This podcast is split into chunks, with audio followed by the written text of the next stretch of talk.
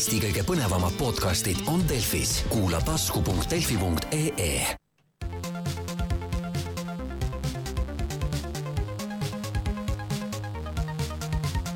puhataja mäng.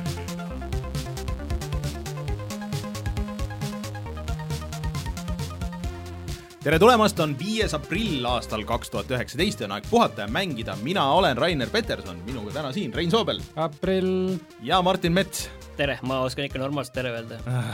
elasite üle selle esimese aprilli, jah? ja, ja ma arvan, et millest me täna ei räägi, on need äh, aprillinaljad. Õnneks see aasta oli kuidagi vist nagu lihtsam. väga leebe. oli.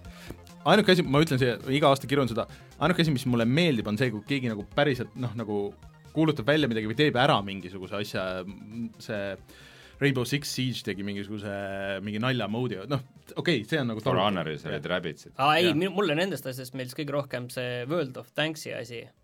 nägid? seda või? ei, Nad kuulutasid välja World of Tanks klassiku, nii nagu see alguses oli, kus oli mingi hästi ühe tanke ja mingi mm -hmm. füüsika oli mingi olematu ja ja see tuligi välja ja sai, saab mängida mingi, nüüd vist enam ei saa, see oli vist paar päeva sai mängida Hmm. aga selles mõttes siuksed see, asjad see on nagu okei okay,, et see on nagu nali, aga, aga see on käekatsutav., toores valetamine on see, mis mind häirib ma ei õudselt. teinud ühtegi aprillinalja ja keegi tegin. teinud mulle ühtegi aprillinalja, kas ma olen nüüd äge sinu silmis, Rainer kas ma olen nüüd Oled. sinu silmis Sest mina- lahe? mina läksin õnge, üks podcast tegi terve nalja podcast'i ja enne ei saanudki sellest aru, kui lõpus, ühesõnaga. rumal sa selle, selle, selle kõige üle. aga äh, käime alguses kiirelt läbi, siis äh, meid saab leida igalt poolt, näiteks tasku.delfi.ee äh,, kust leiate ka palju muid eestikeelseid podcast'e, siis äh, meid saab äh, toetada Patreonis, patreon.com, kaldkriips puhata ja mangida, kus äh, kui, kui te meid toetate, siis saate ligipääsu näiteks meie äh, Discordile, siis äh, saate need äh, saate introd, kus me jaurame igasugustel muudel teemadel, tavaliselt kümme minutit, aga võib-olla ka viisteist minutit ja siis saate osta näiteks meie särgi ja seal on pandud niimoodi, et kui te tahate näiteks ainult seda särki, siis see raha läheb kohe maha, me saadame särgi ära ja siis järgmine kuu ei, saate ära tühistada, et põhimõtteliselt järgmine kuu ei pea nagu sellega tegelema, kui keegi seda kardab. Siis äh, ja Patreonis tahaks veel eraldi muidugi tänada äh, seda äh, kõrgem kui viisteist eurot äh, skenet, ehk siis äh, Taavit, Vakost, Jürit, Hendrikut, Felissit, Unist unetut ja Hot Singles in your area't. aitäh teile veel eraldi kõigile, aga muidugi äh, hindame kõiki meie kuulajaid ja toetajaid, aitäh teile kõigile. Siis äh, leiab meid muidugi veel ka Spotify'st, SoundCloud'ist äh, ja siis ka otse loomulikult äh, Youtube'ist ja Instagramist. ja Instagrami muideks ma panin just pildi oma sellest äh, roosast Playstationist. ma nägin väga ilus, väga ilus, et isegi mitte ainult ilus, vaid ka meeleolukas. jaa, et saati koos õllega, kusjuures see on jah, väliselt äh, väga heas korras, aga ma tellisin nüüd uue selle CD või DVD drive'i ja võib-olla siis saab video teha sellest, kuidas ma vahetan seda. aga Youtube'is äh, eelmine nädal läks meil video äh, Sekirost. Äh, millest Rein täna räägib veel, võite minna vaatama, milline see välja näeb, kes veel ei ole julgenud. Ja täna siis äh, läheb äh, video sellisest RTS-ist, mida te mängisite, mida Martin mängis nagu Colonist või, või Colonist. RTS pole õige sõna, aga see on selline äh, haldus- ja linnaehitusmäng, kus sa mängid väikeste robotitena ja sellest ma rääkisin paar saadet tagasi mm. -hmm. aga nüüd on ka video valmis. jaa, et nagu mobiilimängu Anno. Mitte päris, aga ma saan aru, miks sa seda ütled. Äh, et äh, minge meie Youtube'i, Youtube.com, kaldkriips puhata ja mangida, see peaks saate lõpus juba läheb üles, nii et äh, kui te seda kuulete, siis kindlasti on juba üleval ja vaadatav. ma saan aru, et seda tüüpi mänge on maailmasse vaja. Teile vähemalt. nii, aga sellega vist sai kõik kohustuslik alguses ära öeldud, et millest me veel täna räägime? Millest me täna räägime, tõepoolest, me räägime täna Borderlands kolmest, mis eelmine kord eh, täpselt saate ajal meil eh, välja kuulutati ja nüüd me oleme saanud seda seedida mm. -hmm. ja nüüd saame ka seedida seda, et see on Epiku poe eksklusiiv äh,. Martin siis tegigi Walking Deadi läbi, see tähendab, kas täna on tõesti viimane kord, kui me kuuleme Walking Deadist üldse? ilmselt küll, aga seda ei saa välistada, Deltali Walking Deadist me kuulsime juba mitu kuud tagasi tähendab, sorry, jah, õige, õige. Äh, siis me räägime veel äh, Mutant Year Zero Road to Edenist, äh, Valve'i uuest peaseadmest, Rainer sai Ape-Out'i läbi ja mina räägin Sekirost mm. -hmm. tuleme tagasi kohe ja siis räägime kõigil nendel teemadel.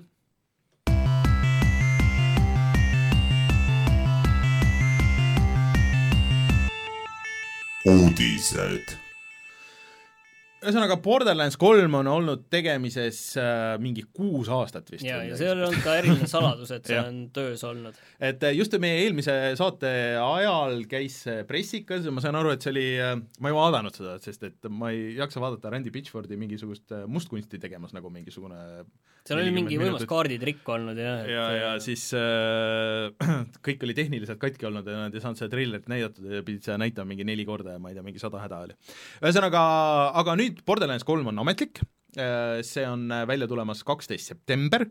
Ja see treiler oli treiler, sest et äh, Rein ütles, et ma ei ole, ma ei ole päriselt nii halba treilerit veel varem näinud, aga aga tundub, et viga on minus, sest et see on saanud väga palju vaatamisi ja internet hullub selle järele ja ütlevad, et nii äge, seal on üks relv, millel on jalad mm.. ma arvan, et asi ei ole, isegi sellest nagu treileri, sa vaatasid võib-olla seda tehnilist poolt, mis minu meelest oli ka nagu eriti, ta oli niisugune pikk ja lohisev ja ja kuidagi hästi imelikult lõigatud ja mingisugust naljakat nagu, või tähendab naljakat, mitte naljakat netihuumorit täis ja niisugune, mulle see osa nagu üldse ei meeldinud, aga mis mulle meeldis, oli see nii-öelda see mänguosa seal, mida ma nägin, ehk siis mulle tundus, et seal olid mingisugused alad äh, Borderlands ühest ja, ja üldse Borderlands ühe tegelasi oota, minu meelest lähed sa kohe väga õigele teele, sellepärast et äh, minu meelest äh, kogu see treiler ja kogu see mäng on puhas äh, fanservice Borderlands ühe ja kahe fännidele mm -hmm. ja kuidagi ta nagu, minu meelest see mäng ei proovigi nagu uusi fänne võita, mida tavaliselt sellised muidu noh, Borderlands ei ole nagu nüüd väga suur sari, on ju, see on mhm. selline keskmine, see on ikkagi olnud esimene, teine, siis see prequel, siis on see mhm. Handsome'i collection, on ju, aga see oli nagu puhtalt Tales from the Borderlands. täpselt praegu ongi küsimus, et milline Tales from the Borderlandsi lõpp on kanooniline, sest see tegelane sealt, Riis, see on ka selles treileris oli juba sees, on ju, ja, ja, ja et et nüüd ongi küsimus, et, et vot just see on täpselt selline fanservice ja et vaata, nad ei üritagi nagu mingit mm. uut publikut väga leida, aga nad pakuvad selle olemasoleva publikule nagu hästi rohkem kõike seda, mis te tahtsite ja seal on neid väikseid mingeid killukesi, mida need fännid võivad sealt äh, treilerist otsida, et näed, see tegelane on seal taustas ja vist see Borderlands ühe tegelane tuleb ka tagasi, vaata nendele inimestele, see on nagu hästi kõik, oluline. noh, kes ei tea, mis see Borderlandsi seeria üldse on, see on tegelikult ähm, mm, pani alus ah? Rainer võtab kokku, mis asi on see, see tegelikult pani aluse üldiselt äh, praegustele nendele Destinitele ja seda tüüpi mängudele, ehk siis et see oli natuke nagu MMO elementidega äh, üksikisiku tulistamine, mis oli nagu pigem disainitud niimoodi, et sa mängisid seda neljakesti koos nelja sõbraga. Äh, ja, ja hästi palju lendas vastastest numbreid ja sa kogusid luuti ja nagu väga Diablo stiilis. selge cel-shaded, cel-shaded graafika. just, niisugune väga nagu eriti veel tolle aja kohta niisugune omapärane, väga hea muusika, mulle Äh, siis meeldis ja mulle see esimene osa ikka väga meeldis.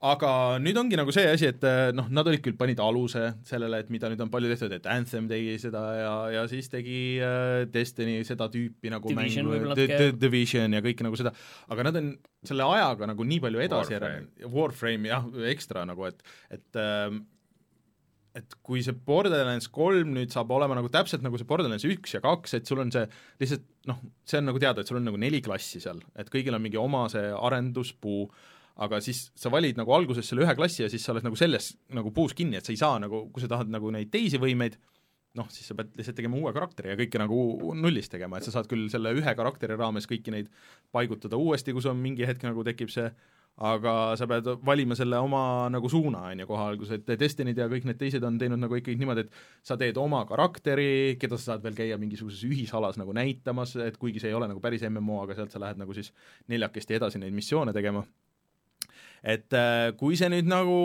on ainult see go-op, siis ma ei tea, võib-olla ta on nagu raskem aga vaata, mis nendest mängudest, mis sa kõik nimetasid mm, -hmm. mille poolest Borderlands eristub neist, neist. sellepärast ma mõtlesin, et minu meelest vaata, kõik need mängud, Anthem, Division mm, -hmm. Destiny, nad on ju alguses läbi kukkunud vähemalt Division ja need on mingil kujul nagu äh, edasi elanud ja neil oma fännibaas olnud, aga nad on teinud alguses tohutuid vigu mm. -hmm.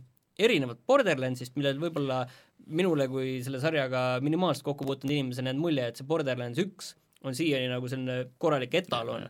ei no selles mõttes, et ta oli nagu kõigepealt ikkagi üksikmäng ja siis kõik ülejäänud nagu oli boonus, et, et sa võisid mängida seda ja mina mängisingi esimese ja teise nagu suuremas osas ka, mängisin otsast lõpuni üksinda ja sa nagu ei pidanud teisi nagu kaasa võtma, et ta kuidagi nagu skaleerus hästi või, või oli nagu alguses skaleerumisprobleemid, kõik needsamad no, mängud, mida sa nimetasid, nendes kõigis on neid olnud. yeah PC Gamer kirjutas just loo sellest, kuidas Borderlands kaks oli ikka tohutult oma ajast ees, et nagu, et kui ta tuli välja, et kui ta tuli välja, siis vaatasin nagu, et nagu okei okay, mäng ja saab mingi teistega koos teha asju ja ka tagantjärele mõeldes, et et kui palju asju nad tegid õigesti. selgus, et jah, et selgus, et kui sa proovid nagu nullist asja teha, siis selgus, et oi, neid asju polegi nii lihtne võimalik teha, on ju, nagu see Anthemi mingi naeruväärne skaleerimisprobleem oli, on ju, et kus yeah level üks relv oli parem kui level viiskümmend relv, on ju?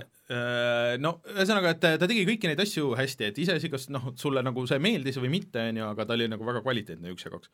et see kolmas nagu, nagu natuke võib-olla, või see nii-öelda pre-sequel, mis oli teise stuudio tehtud muidugi, et see oli nagu natuke niisuguse ime, imelikum ja seal oli see, et sa olid kuu peale, sul ei olnud nagu gravitatsiooni, sa pidid tegelema selle õhu majandamisega, mis nagu natuke võttis seda tempot maha, et selle, seal on alati nagu olnud see, et ka see tempo on nagu hästi kiire, et sul on palju vastaseid ja, ja kõik seda. enne kui me lähme nüüd selle Epiku poe teema juurde, mul on üks küsimus veel selle Borderlandsi kui formaadi kohta. mida seal treileris toodi ka välja, on see, et seal on äh, mustmiljon või mingi ebamäärane ja su väga mm -hmm. suur number relvi mis see nagu reaalsuses tähendab, see ei tähenda sulle, et sul on ju miljon relva? ei, see tähendab päriselt, et sul on miljon, see, et kõik koosnevad, et sul on hästi palju nagu mingeid random osasid, et sa võid saada reaalselt relva, nagu vähemalt nendes vanemates, mis tulistas teisi relvasid, mis tulistasid veel mingisuguseid väikseid kuule, mis lendasid laiali ja panid kõik põlema, et nagu neid, neid asju on äh, väga-väga palju. jaa, ma just mõtlengi seda aga need on nagu päriselt nagu random modifikaatorid, nad ei just. ole nagu ette tehtud ei, ei, ei, et sul on see, et nagu kokkuvõttes nagu... sul on ikkagi see, et noh, sul on seal lähedalt mingi, mingi pumbalaadne relv, siis sul on kaugelt mingi neid... automaadi tüüpi no, relv ja siis sul on väga palju snaiper ja no jaa, see on nagu veel omaette, et need klassid on ja siis sul on nii-öelda erinevad tootjad, et erinevad tootjad tüüda, toodavad nagu erinevate näitajatega relvasid, et seal nagu mitu Äh, relvatootmisfirmat, on ju, ja siis, siis äh, ühed lähevad nagu sinnapoole, ühed sinnapoole ja see on, see tegelikult on väga suur vahe, äh, et mis relva ma mõtlen, et see, ühesõnaga, mis sa tahad öelda, et see on ka tegelikult äge, et see ei ole lihtsalt nagu turundussõnum, et Just. seal on mustmiljon relva, vaid see on visuaalselt ka... kõik on nagu erineva stiiliga nagu, et, et sa näed ära nagu peale vaadates, okei okay,, et see on küll pumppüss, aga see on selle tootja see pumppüss, mis nagu on, on teistsugune kui võib-olla äh, Äh, mingi teise tootja pumppüss, on ju. Mm. et äh, kui seal saab ikka väga sügavuti minna, aga need kõigi Borderlandside vanade probleem oli natuke see, et, et see on mõeldud nagu see, et sul tuleb ka see New Game pluss ja pluss pluss ja mis iganes, aga kõigis sa pidid selle uue karakteriga või selle vana karakteri, sa pidid selle alguse, selle aeglase osa, kus sul mingi tegelane juhatab sind siia ja siia, sa pidid selle miljon korda läbi tegema. Claptrap. Äh, Claptrap ja siis seal alguses oli vist esimeses oli mingi veel keegi teine, ühesõnaga sa pead kõik need nagu lahti tegema, et see käis mulle hullult närvidele, aga ma saan aru, et mõndadele see ei ole probleemiks, näiteks et meil siin äh, oma chati moderaator Martin Kauber, ma ei tea, kas seitse tuhat tundi pannud sellesse juba või midagi niisugust. aga aga mida, mida veel see uut toob siis tegelikult Borderlands kolm, on see, et, et seal saavad olema erinevad planeedid ja et sa saadki minna nagu erinevate planeetide peale ja, ja siis erinevad planeedid on nagu niisugune erinevad maastikud ja, ja nii edasi. nii, aga see tuleb nüüd välja kolmteist september mhm. äh, kaksteist kolmteist äh, tuleb välja ja aga anda Epiku poodi esialgu, muidugi PlayStationile ja Xboxile ka mm, -hmm. aga siis sellele Steam'i jõuab see kuus kuud hiljem mm. -hmm. no see on, see on eraldi see, minu jaoks ei ole probleem ma ei, ma ei ma ei mäleta, kas meil see uudis vahepeal oli, et Anno on siis, see oli vist eelmine kord, me mainisime seda, et Anno on ka nüüd ei maininud, aga Anno tuhat kaheksasada on ka nüüd jah, et ja. Steam'i poe, või see on Epiku poe eksklusiiv, aga siin on eriti naljakas veel see, et see on siiamaani Steamis eelmüügis, niikaua kuni no, seda saab eelosta, kuni kuueteistkümnenda aprillini, kui mäng välja tuleb, seda saad Steamist osta, aga siis, kui see välja tuleb, siis ei saa enam. Mm.. et see ei ole võetud isegi mitte eelmüügist praegu Steamist maha, vaid mulle see natuke tundub ikka nii ülespuhutud probleem, et aga kas see Ubisofti vist oli mingi uudis, et või nad andsid teada, et neil nüüd kõik mängud hakkavad olema Epiku eksklusiivid edaspidi ka või? oli midagi sellist? seda ma just ei mõtle tähele, ma ei tea. või no sa saad kindlasti neid ka osta Uplayst, aga, aga, aga Steam versus Epic äh, eksklusiivid. minu arust kogu see, kogu see teema, ma olen sellest kõigest väga nördinud, olles, olles Steam'i kasutaja, aga äh, aga ma arvan, et väga paljude mängijate jaoks see ei too, kuna Epic ei ole tõsiseltvõetav äh, alternatiiv Steamile, kuna seal on nii vähe funktsionaalsust ja tegelikult ikkagi nii vähe mänge, siis see ei ole nagu mingil juhul pood, kuhu inimesed hakkavad oma nagu nii-öelda library't tekitama. selles mõttes ma arvan, et enamustel inimestel nagu põhiküsimus on see, et kuidas kasutada mingit launcher'it, mis ühendaks kokku need mm. mõlemad äh, player'id, sest need mõlemad poed siis, et äh, meil isegi käis siin mõte läbi, et äkki me peaks võtma millalgi ette nagu erinevad need äh, ühislauncher tarkvarad ja, ja, ja võrdlema neid. Aga räägime veel korraks Borderlandsist. väga kurb on see, et Borderlands kolm on äh, aga, aga ühesõnaga ühesõnaga, Borderlands kolm oli siis see põhiuudis, aga siis veel kuulutati välja ka Borderlands ühe remaster, äh, mis on tasuta kõigile siis äh, PC peal, kui sul on nagu Steamis olemas Steamis olemas, siis, siis sa saad selle tasuta Äh, kui ei ole, siis sa saad selle osta, see oli praegu mingi üheksateist või, või kakskümmend eurot või midagi niisugust. ja saad selle tasuta endale ka Epiku poodi, siis kui sellest äh, Epiku pood luurab, kas sul on see Steamis olemas ja kui Steam'i selles äh, registrifailis on näha, et sul on see olemas, siis Epic saab ka selle info ja sa saad ka Epiku poodi selle tasuta endale selle uue. ja siis äh, Borderlands äh, The Handsome Collection see oli nali nüüd, ma ei tea, kas see tegelikult nii on. ei, tegelikult vist ei ole. aga Handsome spioneerivad, siis nad võivad juba sinu kasuks spioneerida. Handsome Collectionile tulid ka uued tekstuurid, et 4K tekstuurid siis kõiki kõikidele asjadele ja, ja et need näevad paremad välja ja mis iganes. aga ma saan aru, et Martin Kauber siin kiitis äh, Borderlandsi eksperdina seda ühe remaster'it, et saab, äh, et miks seda äh, alguses nahutati, kui see arvuti peale jõudis, et seal ei olnud väga, et see oli nagu suhteliselt konsooliport, et seal ei olnud neid konsooli mingi, või arvuti mingeid optsioone, et sa ei saanud seda field of view'd ei saanud panna ja ma ei tea, mingit sada häda, et, et need peaks olema nüüd lahendatud. nii, üks asi veel selle Epiku poe kohta, et tegelikult ma hakkasin ükspäev mõtlema, et arendajatele võib see olla tegelikult väga mõnus isegi mõnes mõttes, et sa saad arvuti peal enda mängu tegelikult nagu kaks korda suurelt välja tuua. et näiteks nagu Borderlands kolm, sa tood septembris selle välja suure kisaga Epiku poes ja siis see esimene rahvas läheb, käib, võtab selle ära ja siis sa saad veel sti-, kuus kuud hiljem tulla Steam'i ja põhimõtteliselt teha sellise topelt launch'i. topelt launch'i jah, et nüüd on uuesti, nüüd on nüüd jah, et siin on väljas see mäng mm. jälle, et ja, et peale selle Epic maksab vaata, veel natuke taskuraha annab lootus, lootus on veel see, et, et see Steam'i versioon on parem, et see on selleks ajaks, on, on juba ära testitud, mingid bugid on ära parandatud, võib-olla mingi DLC väljas selleks ajaks. jaa, aga kujuta nüüd ette seda olukorda, kus sul on äh, sõber X, kes äh, ostab äh,, nii suur fänn mm -hmm. ja ostab selle esimesel päeval Epiku poest siis, äh, siis on sul sõber, sõber Y, kes ütleb, et tema seda Epiku poodi vihkab põhimõtteliselt, aga talle Borderlands väga meeldib ja me tahaks väga koos mängida, siis ja siis oled sina seal kahe heinakuhja vahel, on ju aga noh, jah, no näis, mis sellest saab. kusjuures selle peale ma ei ole mõelnud, et see, need ei saa ju risti mängida ju äh, online-mängude puhul. miks ei saa? kas saab? Mõned mängud on seotud no see oleneb jah, kuidas see näiteks Windows, Windowsi need äh, poe, vaata Call of Duty ei suhelnud äh, Steam'i Call of Duty'ga. ma ei tea, kuidas, kuidas Epicu asjadega on. see on tegelikult hea küsimus. ma ei ole selle peale üldse mõelnud. aga, aga, aga ühesõnaga ja Peame siis testima millegagi. ja siis kas Fortnite on Steamis ja siis kuulutati välja ka Switchi peale see mm, va-, noh, see kiire mäng Bulletstorm, Bulletstorm ja, ja väga Duke Nukemiga minu arust nad oleks võinud selle Borderlands kahe selle äh, Switchi versiooni teha, äh, see oleks päris huvitav olnud. aga siin veel öeldakse, et, äh, et jah, et kõige parem kirjeldus Borderlandsile on FPS Diablo with guns. et see tegelikult, tegelikult nagu täitsa, täitsa sobib ma ei tea, mulle FPS-id meeldivad, mulle Diablo meeldis, aga Borderlands kunagi ei klikkinud, nii et midagi on selles võrdluses valesti no.. aga vahepeal tuli üks, enne kui sa lähed äh, Valve'i juurde, siis vahepeal tuli üks oluline uudis äh, paar päeva tagasi, et äh, E3-l Microsoft ei näita enda uue generatsiooni konsooli.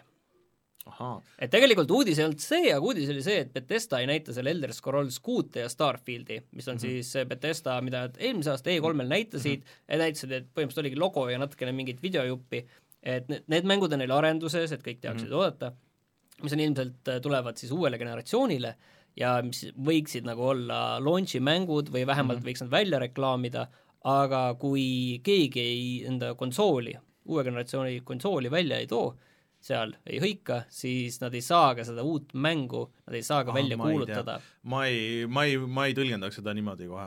mina seda nii täpselt tõlgendaksin. no selles mõttes ega oli oli eelmine aasta näha, et Bethesda kuulutas need kaks asja välja lihtsalt nagu PR liigutusena, et ja, äh, see ei aga... olnudki see, et nii, pange oma rahakotid valmis, et meil kohe, kohe tuleb. välja. aga kui nüüd kuulutatakse välja see Xbox One X2, siis ei no jaa, aga nad võib-olla näitavad lihtsalt logo, et näed, see millalgi tuleb siia ja that's it, noh. aga Bethesda on selles mõttes, ta on niisugune hea, hea see noh, third party partner nagu kõigile, et et kui keegi tahab oma eksklusiiv, mingit oma konsooli või mingit uut mis iganes platvormi välja kuulutada, siis alati peab Bethesda pundis olema, hea näide, Google Stadia, äh, see kohe oli Bethesda küll siis levitajana pundis ja siis oligi, et aa, Doom tuleb sinna peale kindlalt, et et, äh, et selles mõttes äh, Bethesda on niisugune nagu Ubisoft.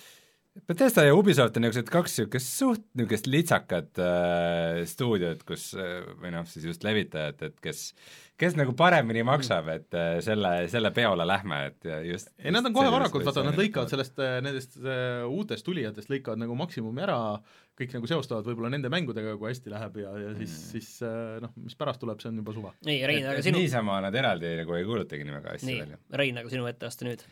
Me tahtsime tegelikult veel mainida ühte asja või on see nüüd kadunud ära meie, ei ikkagi alles, kuna me siin rääkisime Borderlandsist ja loot, looter shooter itest, siis äh, äh, tuli Kotakusse väga pikk lugu siis äh, Anthemi kohta äh,, selle kohta, et miks, mis seal nagu valesti läks ja mina ei ole seda läbi lugenud veel, see on tõesti pikk lugu. aga ma lugesin, see on väga hea lugemine mm., et äh, kui otsite, siis äh, link on How BioWare's Anthem Went Wrong või äh, näiteks meie Youtube'ist või saate kirjeldusest, ma arvan, et äh, paneme selle lingi ka, sest et äh, kõik taandub nagu sellele, et äh, BioWare'is ja EA-s ei ole enam niisugust äh, arvestatavat äh, vanakooli nagu juhtkonda, kõik on sealt ära läinud mm -hmm. ja teine probleem, millesse ma väga samastusin, on see nende Mootor. püüd minna selle jah, et kõik asjad peavad olema Frostbite'i peal. sel, seda oli kurb lugeda jah, see, kes ei tea, siis EA millalgi võttis vastu otsuse, et kõik nende mängud mm -hmm. kasutavad sama mootorit, nende see on see Battlefieldi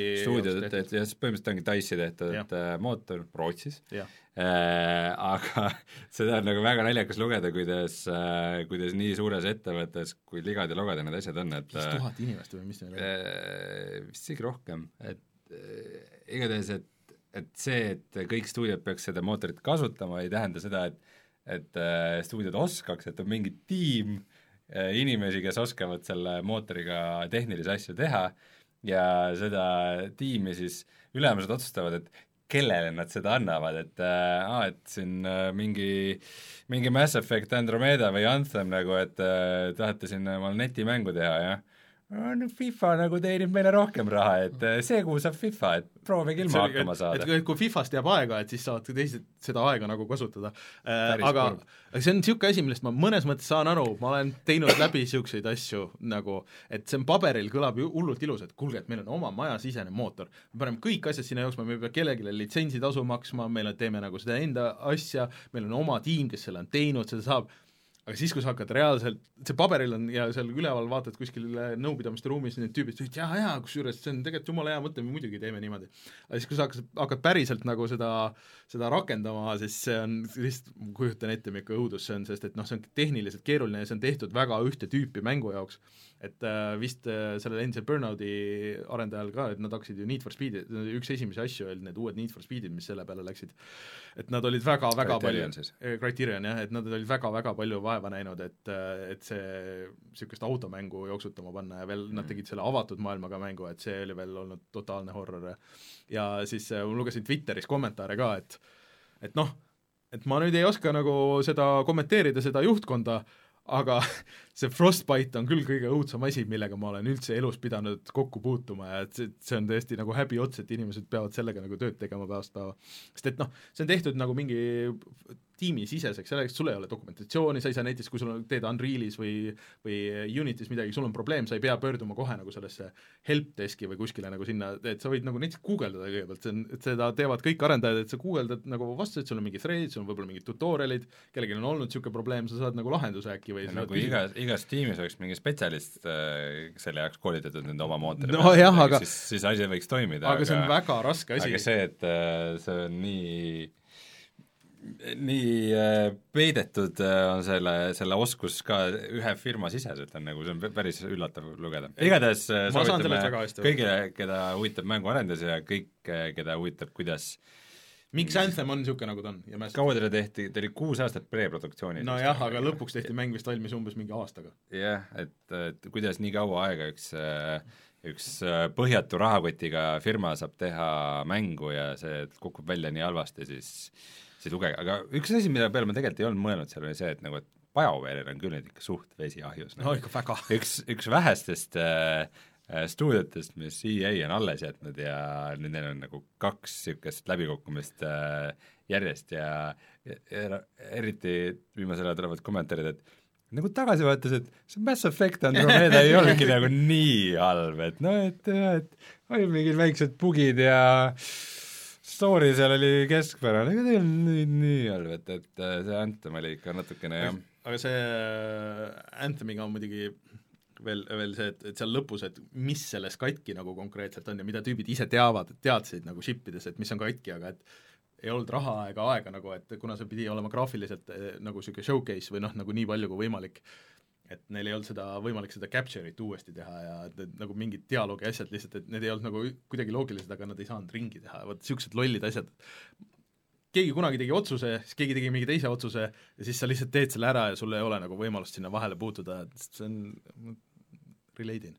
jaa, no kuna me räägime siin nii palju halbadest äh, loot shooter idest äh,, siis siis äh, võiks korra lihtsalt seda mainida, et, et Destiny kahte kiidetakse teiste, teistega võrreldes ikka öeldakse, et nagu, et eh, need, need tüübid vähemalt saavad aru. eriti see mingi uus äh,, mingi lisapakk, mis nüüd tuli, et see pidi väga hea olema. see on juba lisapakk, see tuli see mingi nädal tagasi. see on mingi kolmas lisapakk ju see tuli juba ammu välja, see kaks aastat tagasi välja. kaks aastat tagasi tuli Destiny kaks. vabandust, ma tahtsin öelda Division kaks. aa, Division. Destiny kahte ei kiideta üldse, ma ajasin sassi, vabandust uh,. Divisionil pidi olema väga suur, ei, kiidavad ikka, see just see uus pidi, noh, nagu ma ütlesin, see uus lisapakk, aga Divisionil pidi olema väga suur probleem lihtsalt, et see, see story on nagu nii jõhker nonsense, et, et kui sa sellest suudad läbi vaadata, siis euro, minu meelest ainult Eurogeimer ei, igal, igal pool, kus ma olen, olen kõik, kõik on öelnud, et see et noh, kui sa selle lülitad välja, et siis mehaanikad iseenesest on ägedad ja ai pidi väga hea olema selles. okei okay., mis sa tahtsid lisada, Martin? enam mitte midagi selle peale küll mitte midagi. aga me ei hakka keegi The Divisionit mängima kahjuks.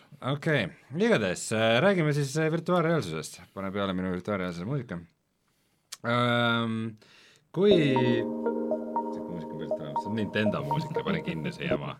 Äh, kui paar nädalat tagasi oli siis äh, GDC, siis mina suure innuga äh, iga viie minuti tagant reload isin ja reload isin uudiseid, et kus on Valve'i siis peaseade, Valve'i oma VR peaseade, sest et väga palju väga kaua on siis levinud kõlakaid eelmisel aastal äh, lekkinud ka pilte juba. pilte peaseadmest, et, et äh, Valve ehk siis legendaarne Half-Life'i, Dota, Team Fortressi ja Counter-Strike'i tegija teeb oma peaseadet. Äh, ja teine kõlakas, mis sinna juurde on käinud, on see, et äh, kui see välja tuleb, siis sellega kaasneb üks Half-Life'i maailmas toimuv, toimuv mäng. Ja nüüd siis kaks nädalat peale GDC-d või midagi sellist tuli välja, et see peaseadme osa on tõsi, ehk siis see kuulutati välja, et esimesest maist äh, saab seda eeltellida, tehnilised parameetrid ei ole praegu teada. Äh,, aga nüüd siis äh, on võib-olla huvitavam küsimus see, et äh, kui selle kohta siis nüüd rohkem kui üks marketingi pilt avaldatakse infot, siis äh, mis tarkvaraga ta kaasa tuleb, et kas on äkki mingi launch'i mäng ja, ja pea, peaks hak-, sa-, saabuma need siis äh, esimeste tellijateni juba juunikuus, nii et äh, juba varsti, juba varsti hakkavad asjad nii, toimuma. aga mina sain aru, et see nüüd on äh, outside in ikkagi track'i, et sul peavad mingid majakad olema? see on see üks asi, mis minul on praegu täitsa segane äh,. Mul, ma ei ole seda veel päris järgi uurinud, aga mina saan ka praegu niimoodi aru, et et äh, sul peavad olema siis äh, Steam VR-i majakad, nagu näiteks HTC Vive'il. ühesõnaga, see on natukene keeruline. kes, kes ei ole suutnud ennast sellest läbi närida või kurssi viia, põhimõtteliselt see, see asi käib siis niimoodi, et kaks või nüüd isegi varsti juba kolm aastat tagasi tuli välja HTC Vive, mis oli siis HTC ja Valve'i koostöö. et Valve oli just see, kes tegi selle nii-öelda tracking'u tehnoloogia, et need mm -hmm. majakad ja, ja puldid ja just see nagu Steam'i VR-i tarkvaraline pool mm, -hmm. et see on nagu nende poolt ja nad ütlesid, et seda võib põhimõtteliselt igaüks kasutada, aga HTC oli just see partner, kes nüüd oli. ja hiljem on nagu HTC ja Valve'i teed natukene rohkem läinud lahku, et et HTC on igasuguseid oma tehnoloogiaid ja oma, oma poe, oma Viveporti avanud näiteks ja ja aga samal ajal nad ikkagi nende HTC Vive'id kasutavad nagu seda Valve'i tracking'u tehnoloogiat mm, -hmm. et nüüd siis teeb Valve oma peaasjalikult, selle nimi on muidu Valve Index äh,, suht nõme nimi minu meelest äh,, mis siis kasutab vist ka jah, ikkagi, ikkagi majakaid.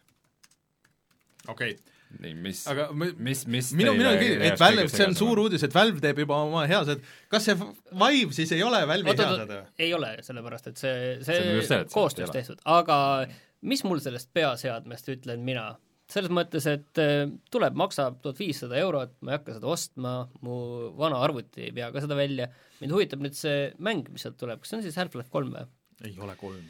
see on, see on mingi Lost Ghost ilmselt ta vihjed on, et ta toimub Half-Life'i maailmas. aga ah, CSGO siis? aga CSGO minu meelest ei toimu oot, oot, see on faktil-... Portal see on, toimub Half-Life'i äh, maailmas. see on faktiliselt tõestatud, et CSGO toim-, toimub äh, Half-Life'i maailmas. Selle... aga varem äh,? ma ei tea, sellepärast, et Dust kahes Half-Life on ikkagi ulmemäng ju Taast kahes, kui sa lähed A-sse, siis vanasti oli seal araabia keeles seinale kirjutatud Freeman was here. et äh, need on ühendatud, sa ei saa öelda ja see Pavlov see easter egg, okei. Pavlov V, ma ei tegelikult ei tea, kas see oli päriselt ka, sest see on araabia keeles ja siis on kirjas, et Freeman was here, aga no ma ei saa seda kinnitada. aprilli nali. ei, see on ammu, aga ühesõnaga, et äh, tegelikult see Pavlov VR mulle tundub äh, äh, väga hea, ehk CSGO selles äh, VR-is aga ma Youtube'ist olen videosid vaadanud, no see näeb tegelikult väga algeline välja ja väga basic, on ju. see ainus asi, mis on see, et kuidas sa saad asju katsuda ja see on nagu hea. aga muidu nagu olemuselt see näeb välja naeruväärne, aga mul hakkas halb Youtube'ist nende videode vaatamisest Aa. juba see, kusjuures tõsi... video on nagu natuke teine see on teine, jah, ma olen nõus. seda vibra, mida sa nagu päriselt äh, ei näe. aga mul hakkas mis on su pea enda vibra? mul nagu VR-ist muidu nagu ei hakka halb, aga sellest hakkas küll halb. VR-videosid on võib-olla veidi raskem jälgida selles mõttes küll, jah. aga mis väärib mainimist, on see, et äh, ikkagi äh, kuigi Valve'i sõna ei tasu alati usaldada, sest mitte kunagi et, isegi ütleks niiviisi. sest ei no mitte, et nad oleks niivõrd pahatahtlikud nagu mõni teine ettevõte, aga äh, neil on lihtsalt kalduvus nagu asju pooleli jätta ja ära unustada ja, ja nende tiim on selline, et see on see nagu free range arendajad, et kui nad näevad midagi muud säravat asja, siis nad hakkavad seda tegema, et nad ei ole, nad ei ole aheldatud ühegi projekti külge. muideks, rääkides sellest, mul meenus üks äh, Valve'i asi, mida, mida rääkida veel, kui sa, ja lõpeta see mõte ära, aga lihtsalt ma ütlen välja, okei okay., et äh, see oli siis nüüd kas siis nüüd juba kaks pool aastat tagasi, kui Valve ütles, et nad teevad kolme VR-mängu, mis ei ole mingid väiksed experience'id mm -hmm. või, või mingid demod, vaid need on nagu täiemõõdulised mängud. Ja hiljem on neist vähem juttu olnud, aga aga vähemalt üks neist loodetavasti on ikkagi säilinud ja arvatakse, et üks saab olema selle, selle Valve Indexi launch'i mäng, nii et kui me saame näha Valve'i uut mängu, uut üksikisiku mängu üle ma ei tea, mitme tuhande aasta, siis see on juba omaette väga suur uudis, aga see ei ole veel kinnitatud info. aga Valve'i viimane mäng äh, Artifact muidugi just... Äh, läks natukene keskpäraselt. ma sellest et, äh, tahtsingi rääkida, et nad sealsamas äh, ütlesid, et äh, Artifactiga läks nüüd niimoodi, et nad sisuliselt panid selle kinni. et nad ütlesid, et äh, see äh, ei läinud üldse niimoodi, nagu me ootasime äh,, Äh, ja me oleme kõiges selles väga pettunud ja me tõmbame selle nagu tagasi, lähme sellega, võtame seda, arendame edasi, aga siis mingi määramata aja pärast tuleb nagu täiesti uus relaunch, kus me oleme töötanud läbi selle, et mis töötas, mis ei toiminud, sest inimestele vist see mäng ise justkui nagu meeldib, aga et vist see, see raha osa ja see, et kuidas sa neid leveleid seal said ja see vist oli see probleem nagu seal. No, ja et sa ei saanud mobiili peal mängida ja see on, see on tasuline mäng mille ainus viis progresseerida oli maksta Just. raha et äh, see ei ole hea mõte. et nad äh, võtavad seda tõsiselt, arendavad edasi, aga et, et see ei tule niisuguste väikeste juppidena, aga et lihtsalt, et tuleb nagu nii-öelda retooling kogu sellele asjale. mis oli ka nagu päris huvitav, ma ei, väga ei mäleta, et keegi nagu päris niimoodi oleks ühtegi nagu niisugust äh, noh, mitte täishinnaga mängu küll, aga, aga tasulist mängu nagu niimoodi tagasi võtnud ja siis öelnud, et okei okay,, me tuleme tagasi sellega mingi, mingi, mingil määramata ajal, et thanks, et maksite aga tagasiraha ei saa küsida või? Vot see on hea küsimus, et kas saab. et äh, see oleks neile nagu... päris niisugune äh, hea žest, et äh, kuulge, et äh, anname sulle raha tagasi. vahepeal tuli see uudis ka, et PlayStationi mängude eest saab nüüd raha tagasi küsida, aga ainult siis, kui sa ei ole neid reaalselt mänginud. ehk põhimõtteliselt ainult see variant, kui sa oled midagi kogemata, kogemata ostnud. no või, või seal on see tõenäosus, et mingid lapsed kogemata ostsid või see, kunagi oli äh,, keegi näitas seda sequence'it, ma ei mäleta, kas see oli Xbox'i peal või äh, selle äh, PlayStationi peal, et kui sa sattusid sinna poodi kogemata ja siis järjest vajutasid A-nuppu, siis sa lihtsalt läksid tuimalt nagu Aa, lõpuni välja. kuskil, okei okay.. jah, et kui näiteks laps võttis kätte ja siis hakkas nagu seal kütma, siis sa lihtsalt järjest ostsid asju äh,. Aga see vist on, nüüd on see oli vist kuskil sellepärast ka, et äh, kuskil Norras või kuskil kaevati nad kohtusse ja siis nad pidid nagu, pidid midagi tegema. see on mõist-, noh, ütleme niimoodi, et ma veits, on midagigi, on ju, ideaalis võiks olla muidugi mingi noh, vähemalt tunnike või kaks, et sa saad nagu seda proovida, aga, aga, aga hea seegi, et et sa üldse, üldse mingi võimalus on. nii, mis meil veel oli siin? Aa, äh, rääkides oh, ma korra tulen veel tagasi selle juurde, et siin tegelikult seal tagasiostmisel võiks olla nagu see point, et arvestades seda, et see PlayStation on nüüd äh, kaheastmeline juba tükk aega nagu tavaline PS4 ja PS4 mm -hmm. Pro, siis võiks olla küll, et mingid mängud, mis jooksevad tavalise PS4 peal lihtsalt niivõrd palju kehvemini, et äh, noh, sa ei tea seda, üldiselt ju kõik mängud töötavad ja nad töötavad okeilt, on ju, et siin ei ole päris seda asja, et see on no räägivad, et Sekiro pidi väga halb olema. et mis ei ole nagu otseselt katki nagu, on ju, et seda on nagu väga harva, aga ongi see, et see siis ei pidi Sekiro halb olema uh,? PlayStation nelja originaali peal mm.. et mm., et ei, ei jookse nagu üldse hästi okay.. aga ühesõnaga äh, aa, üks asi, mis meil jäi vahelt, jäi, jäi ära, et me rääkisime siin tulistamiste ja loot shooter itest ja värkidest äh,, siis äh, Blackout, mis kaotas jõudsalt mängijaid ja nii edasi. Call of Duty Battle Royale'i mängulaad. Äh, et on nüüd tasuta mängitav kuu lõpuni Äh, mis Rein ütles kohe, et nagu see nii kaua on, ju ta siis jääb, mis ma olen sealt on väga, sealt on tavaliselt väga raske tagasi tulla, et äh, see on pigem, pigem äh, just see, et võimalik, et see otsus on juba tehtud yeah., aga hoiame, ütleme uudise, et üks kuu on tasuta, siis kõik ruttu jooksevad kohale mm, -hmm ja siis, kui äh, see kuu läbi saab, siis me ütleme, ja nüüd ta jääbki tasuta ja kõik on jee, aga selle peale ma mõtlesin, mõtlesin, et peaks, peaks neid proovima no,, ma proovisin betat viimati. aga seal tuli välja ka uus kaart, mis on see Alcatrazi ah. vanglakaart, mis on äh,, reklaamivad kui et äh, kompaktne lähivõitluskaart, et hmm. see tundus isegi huvitav mulle ka tegelikult, et võiks nagu proovida. võiks, kui ta nüüd tasuta on, siis, siis äh, pigem, pigem prooviks küll, jah nii, aga räägime natuke veel ka uuest riistvarast, või aa, ei, jätkame veel Play, PlayStationi teemat, siis räägime lõpu riistvarast, sorry äh, meil on mingi nagu mingi skeem oleks kuskil, jooned lähevad ja äh. Drive Club oli mäng, mida Martin mängis ja kiitis, kuigi see sai internetis peksa nagu päris palju, eriti selle VR-i proovisin mina ka, see oli üks äh, selle PlayStation VR-i launch'i mäng, mis tuli eraldi osta veel äh, täishinna eest, see nägi ikka väga halb välja. ja seda sai mängida ainult VR-is, see oli ma isegi ei mäleta, et aa, tuli, tuli. tuli, tuli, see, see oli ikka päris õudne. aga see on nüüd esimene vist äh, selle generatsiooni mäng, mille serverid lähevad kinni. ehk siis, et äh, mitmikmängu enam mängida ei saa, et see stuudiogi on muidugi ammu laiali saadetud, kes seda tegi, aga aga siis, et äh, enam ei Drive Clubi ega Drive Club VR-i ei saa netis mängida. see on siis järgmise aasta märtsist, aga ma tuletan veel meelde korra, et selle Drive Clubi juures oli väga oluline see, et see sotsiaalne kogemus mm., see, et sa olid kogu aeg võrdluses kellegagi, et no, no põhimõtteliselt nagu on praegu nendes äh, Xbox'i selles äh, Forsades samamoodi, mhm. on ju. et seal on ka see kogu aeg võrdlus, punktid jooksevad, näed kellegi suvalisega või sõbraga seda mhm. võrdlust, on ju, et siis nüüd saad seal rahulikult üksi olla et äh, aga vaat see on nagu näide sellest, et mis hakkab juhtuma, et kui kõik mängud peaksid kolima pilve nagu selles mõttes, et keegi lihtsalt otsustab, et sorry, aga sa ei saa seda enam mängida, et otsi mm. mingi uus mäng endale. Google Stadia, me ootame sind. jah, et ootame sind, et äh, või nagu täna oli see Telia kaos, siis sa ei saa lihtsalt mängida, et, et see on nagu natuke sketši, et see ei ole nagu nii vana mäng, et seda nüüd kinni panna, et ma saan aru, kui nad PlayStation kolme aegseid asju nagu kinni panevad või või midagi niisugust, aga et, et äh, põhimõtteliselt mis see oli, kolm aastat tagasi tulnud mäng äkki või? et seda nagu siis ma ei tea, see ei nagu vanade mängude fännina mulle see niisugune asi ei meeldi. aga siis äh, saabki lõpetada jah, riistvara ja vanade mängudega, ehk siis et äh, meil on olemas nii Nintendo Classic äh,, siis äh, esimese Nintendo, siis on Super Nintendo Classic ja on PlayStation Classic, Nintendo on okei okay,, PlayStation on nagu niisugune jeeli-jeeli äh,, ja aga tegelikult noh, juba ammu äh, kuulutati välja mingisugune Sega Mega Drive Classic äh, ja see vist tuli välja ka, aga see oli tehtud noh, põhimõtteliselt no, nagu need äh, mingid niisugused telekamängud. kas see oli nagu on... ametlik või?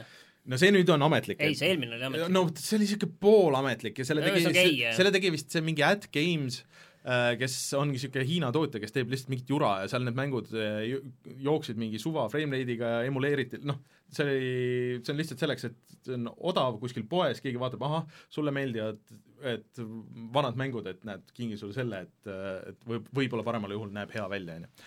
aga nüüd on tulemas Sega Official Mega Drive Mini äh, ja seda teeb nüüd äh, M, kas see oli M2 või M3, äh, ühesõnaga see, Sega nagu nagu third party stuudio, kes on teinud neid Sega Ages kollektsioone, mis on nagu väga hästi tehtud, et kus on hästi palju mingit lisamaterjali, kus on mingid äh, Äh, korralikult emuleeritud, korralikult tehtud ja optimeeritud, et need asjad jookseks niimoodi, nagu nad peavad jooksma ja nii, et, äh, et sellel on nüüd lõpuks potentsiaali tulla hea.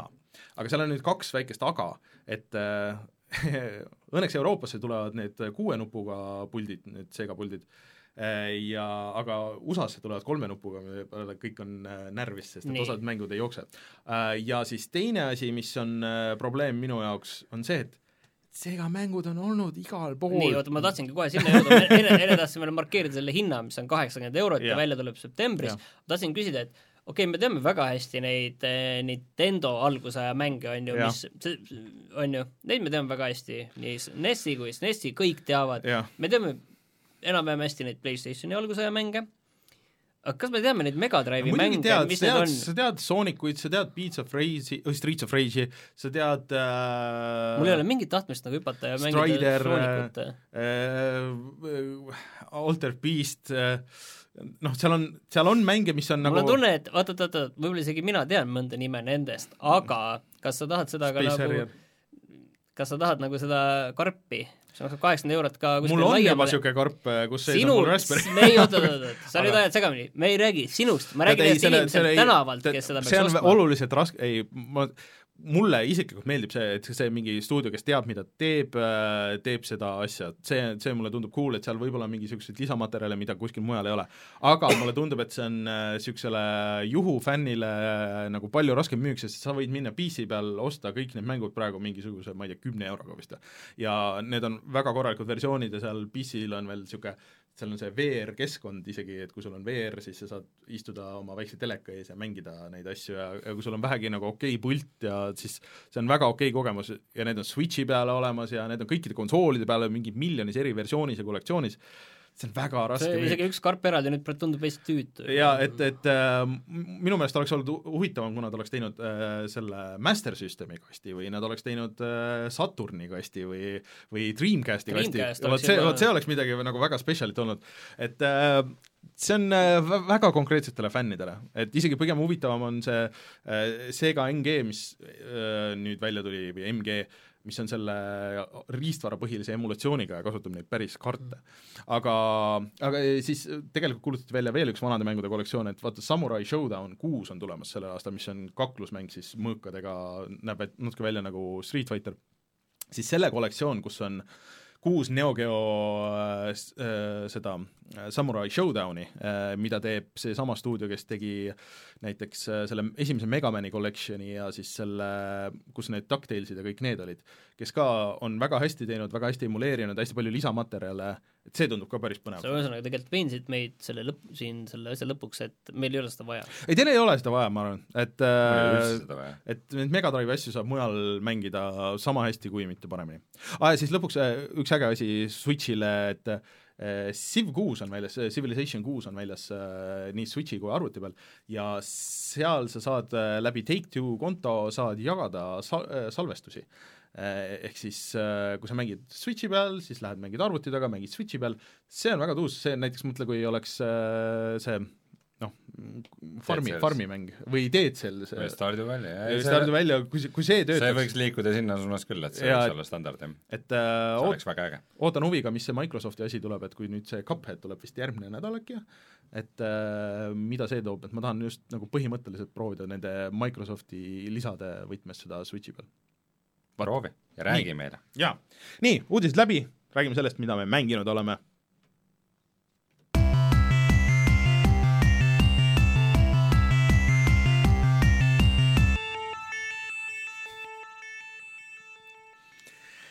niisiis äh,, Martin, räägi meile lõpuks siis, kuidas lõppes äh, Walking Deadi äh, selle hiirekliki seikluse äh, hiirekliki seiklus kas nüüd on siis lõpuks selle Telltale'i Walking Deadi luigelaul saabunud ja kas see lõppes see kõrgnoodil või, või vajus vaikselt ära?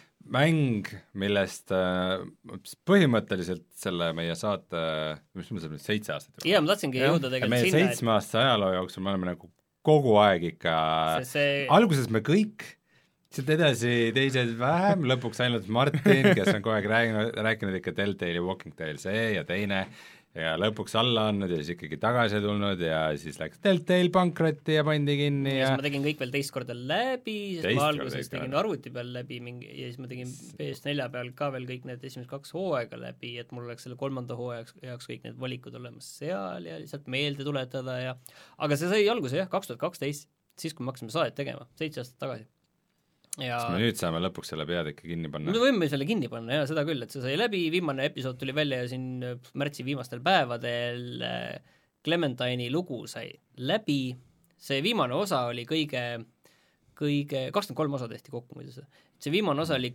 kõige action'irikkam osa, mis üldse on selles Walking Deadis olnud hmm.. ja okay., ja siis muidugi võib küsida, on ju, et kas on selleks, et kompenseerida seda emotsionaalseid puudujääke, siis lihtsalt lükkame sinna märulit, vastus on ilmselt jah, aga aga vaata, see on nagu paratamatult mm -hmm. jah, sellepärast et lihtsalt selle Walking Deadi see tähtsus või olulisus või selline emotsionaalne löök, mis tuleb allapoole vööd niiviisi, see on nagu niivõrd palju vähenenud aja jooksul mm, -hmm. et kuigi see nagu, nüüd neljas täispikk hooaeg, seal on olnud see lisaosasid, väikseid juppe, et ta on nagu niiviisi järk-järgult selle, see väärtus on niiviisi kahanenud ja niiviisi veidralt, et sa nagu ei saagi aru, kuidas see kahaneb, aga kui sa noh, mingi hetk vaatad nüüd, kus see nüüd Walking Dead nüüd sul selles tähtsuses, tähtsusskaalas nagu on, siis ta on kuskil väga madalal mm. juba järsku.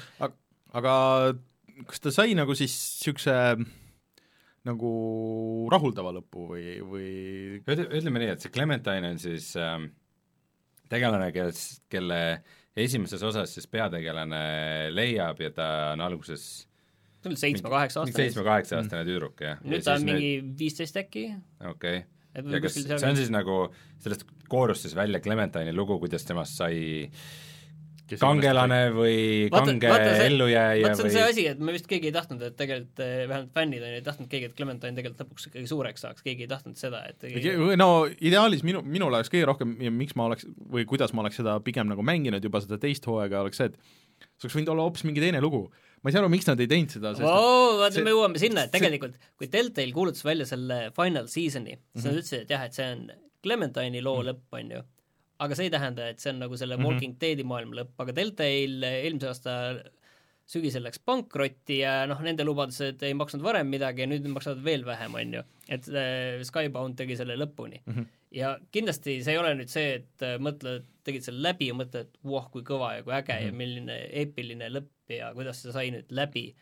et äh, seal nagu äh, ta lihtsalt nagu lõppes mm. -hmm. et selles mõttes isegi, olenemata sellest isegi, ma enda jaoks juba natuke varem mõtlesin välja, et ükskõik, kuidas see lõppes, lõpeb, et jääb Clementine ellu, saab ta surma, mis seal juhtub, mingi mm -hmm. hull mingi äh, pööre tehakse, et kokkuvõttes sul ei ole nagu kokkuvõttes nagu väga vahet. enam ei ole nii, ei hooli. esiteks, selle väärtus on niivõrd langenud ja B, mul nagu ei olnud nagu seda usku ka sellesse tiimi, kes seda praegu mm. teeb, et nad suudavad selle panna niivõrd emotsionaalselt kaasahaaravaks lahendada seda, seda asja, et mul ei olnud seda usku ka, on ju. kas see ei olnud siis hästi kirjutatud? noh, ilmselt ta nagu, esiteks ta oli keskpäraselt kindlasti jah, ta ei olnud mm. ka nagu kohutav, aga aga ta, ta oli nagu keskpärane. mis mind selle kahe viimase osa juures häiris võib-olla kõige rohkem isegi, oli need kohad, kus ma surma sain ja korduvalt.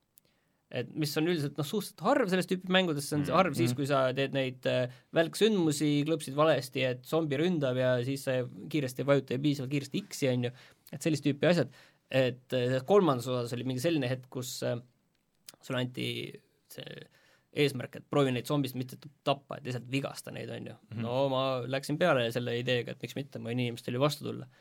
ja sa oled kuskil väikses kohas ja siis sa mõtled, et jooksed nende zombide eest ära ja vahepeal lööd neil lihtsalt põlved sodiks, et nad saaks sul järele joosta.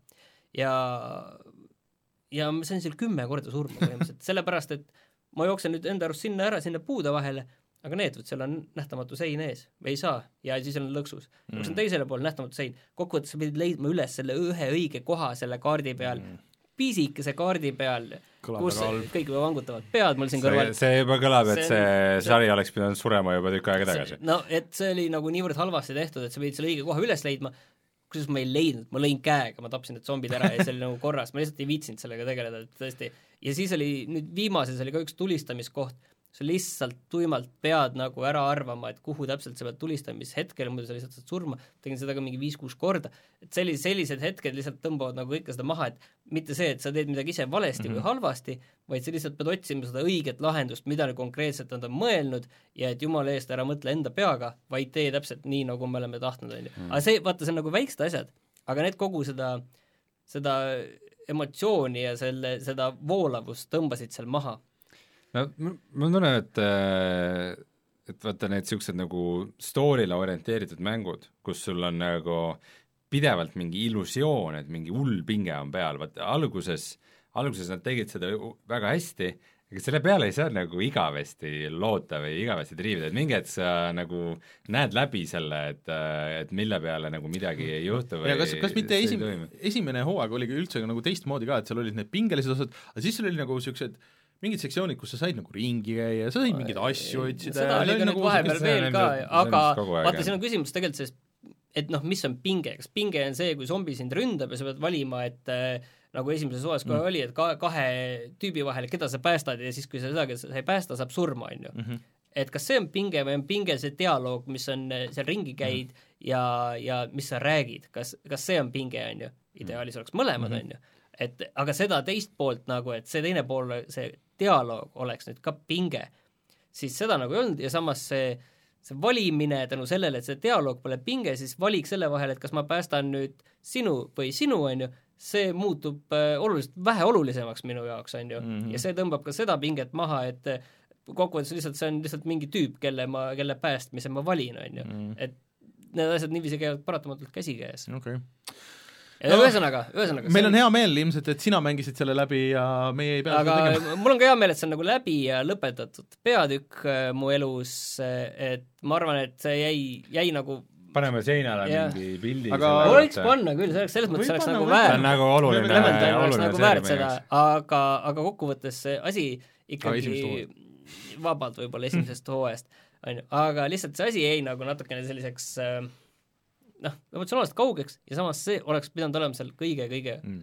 olulisem. ma vist äh, sain aru, miks äh,, miks nad jäid selle Clementine'i loo juurde ja mitte ei teinud lihtsalt mingit teist lugu, sest et noh, ainus, kuna see loo ja kogu teostuse kvaliteet on aasta-aastalt langenud, siis nagu ainus põhjus, miks äh, miks, miks ma ise ka nagu vahepeal mõtlesin, et kas ma peaks seda mängima, ongi see, et et sa tahaks, et see lugu jõuaks nagu mingi lõpuni või et et nagu noh, kui sa hakkad mingit sarja vaatama või oled filmi ühte osa vaadanud, siis no ma vaatan selle teise ka see on veits nagu selle Walking Deadi seriaaliga on ka, on ju, et mm -hmm. kurat, ega mind väga ei hooli enam juba tükk aega, aga noh, vaataks nüüd lõpuni ära, mis siis saab, on ju mm., uh, nüüd ma, ma olen Walking Deadi seda seriaali olen vaadanud ka nüüd see, selle viimast poolt hooaega ma ei ole vaadanud, seda ei ole viitsinud, sest ega nii kiiret ka ei ole. see, on nüüd juba läbi väljas. Fear of the Walking Dead on ka veel mingi sari, on ju? jaa, see on ka eraldi ja mis jookseb mingi neljas või viies hooaeg juba, on ju seal. seal mängib Dharma, Dharmast ja kõigist. aga ühesõnaga, ühesõnaga hea meel, et on läbi ja et mingi lõpetatus, mingi lõpetatus olemas, selles mõttes on alati hea meel, kui mm. lõpetatus on.